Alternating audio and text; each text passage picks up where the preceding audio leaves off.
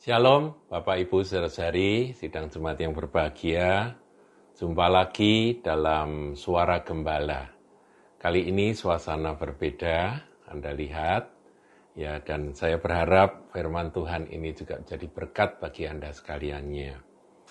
Kita akan lihat uh, Efesus 4 ayat yang ke-22 sampai 24. Judul perikopnya ini manusia baru, saudara yaitu bahwa kamu berhubung dengan kehidupan kamu yang dahulu, yang lama, harus menanggalkan manusia lama yang menemui kebinasaannya oleh nafsunya yang menyesatkan, supaya kamu dibaharui di dalam roh dan pikiranmu, dan mengenakan manusia baru yang telah diciptakan menurut kehendak Allah di dalam kebenaran dan kekudusan yang sesungguhnya.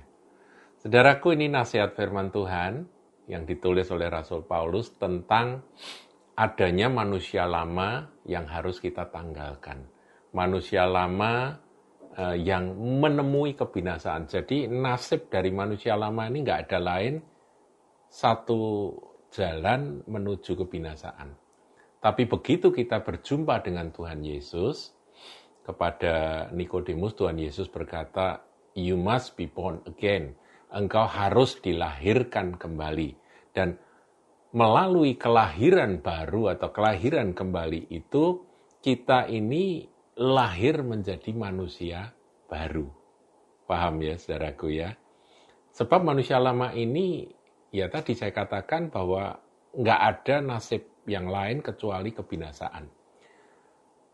Nah, melalui proses yang terus kita alami hari lepas hari, yaitu pembaharuan pikiran dan roh, terus dibaharui.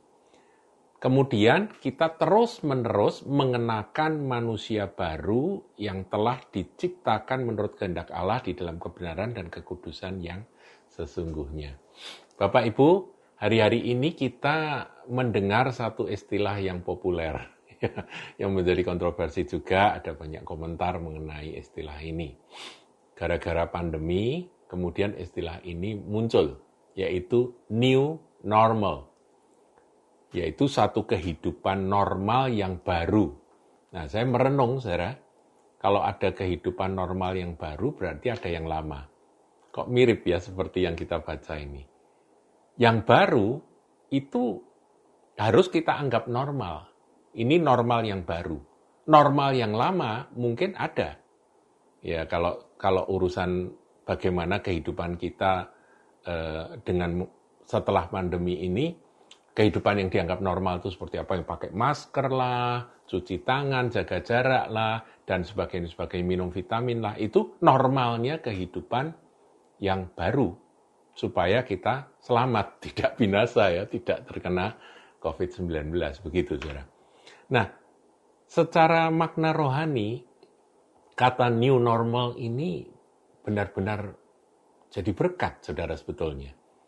Karena begitu kita terima Yesus menjadi anak-anak Allah, menjadi milik kepunyaan Dia, maka sesungguhnya Tuhan itu memindahkan kita dari gelap pada terangnya yang ajaib, dari kehidupan lama, memasuki kehidupan baru melalui proses kelahiran baru itu. Dan kita harus membiasakan diri di dalam new normal life. Tapi ini new normal life di dalam kekristenan itu adalah satu kehidupan yang sesuai dengan firman Tuhan, saudara. Firman Tuhan mengajarkan apa, kita menghidupinya sebagai standar kehidupan yang normal sebagai anak Tuhan, bukan yang hebat. Jadi kalau Tuhan mengajar kita untuk mengampuni orang yang bersalah kepada kita, 70 kali 7 kali kita mengampuni, itu kalau kita lakukan itu bukan hebat. Itu normal. Kalau nggak mau itu abnormal, saudara. Ya saya ingat itu ada satu buku karangan Watchman ini judulnya Normal Christian Life atau kehidupan Kristen yang normal itu bagus sekali. Karena di luar akan prinsip-prinsip itu, kita ini hidup di dalam keabnormalan meskipun Kristen, meskipun bergereja, meskipun melayani, tapi bisa jadi abnormal, saudara. Nah, berkait dengan apa yang dicanangkan oleh pemerintah dengan uh, new normal life ini, new normal uh, apa activity ini, kita juga harus punya new normal Christian life yang kemarin-kemarin mungkin kita tidak terlalu peduli. Mari sekarang hari-hari ini kita pakai waktu untuk cari Tuhan. Aku sebagai orang Kristen itu normalnya seperti apa? Engkau suruh aku mengampuni, aku harus mengampuni. Engkau suruh aku mengasihi, itulah normalnya orang Kristen, yaitu mengasihi. Normalnya orang Kristen, suami mengasihi istri, istri tunduk pada suami, itu normal. Itu normal. Orang Kristen harus hidup dalam kekudusan, itu normal. Nah, ini dalam e, membahas tentang manusia baru, Rasul Paulus melanjutkan saudara di ayat 25 ya, ini contohnya aja. Karena itu buanglah dusta dan berkatalah benar seorang kepada yang lain karena kita adalah sesama anggota. Jadi dusta itu dulu mungkin biasa ya, orang Semarang bilang calcul gitu, dusta, dusta, dusta. Setelah kita menjadi anak Tuhan, itu tidak normal kalau kita bicara dusta. Normalnya orang Kristen berkata benar seorang kepada yang lain. Tidak ada dusta. Kita buang dusta itu. Kemudian ayat 26. Apabila kamu menjadi marah, jangan kamu berbuat dosa. Marah bisa, tapi jangan sampai marah itu membawa kita kepada dosa. Jadi orang Kristen bisa marah, bisa. Anak Tuhan bisa marah, bisa. Tuhan Yesus juga marah, saudara. Tapi tidak boleh menyimpan kemarahan, memelihara kemarahan dan tidak menyelesaikannya, dan terus dalam kemarahan itu yang Tuhan tidak izinkan. Kalau kemarahan itu karena sesuatu yang memang seseorang bisa marah, itu oke, okay, masih oke. Okay. Tetapi itu pun firman katakan dalam New Normal Christian Life, dikatakan janganlah matahari terbenam sebelum padam amarahmu. Paham saudaraku ya? Jadi kalau saudara ada amarah, segera selesaikan. Segera selesaikan dengan pengampunan, dengan uh, rekonsiliasi, dengan berbicara, komunikasi. Kalau tidak bisa ya dengan berdoa begitu ya.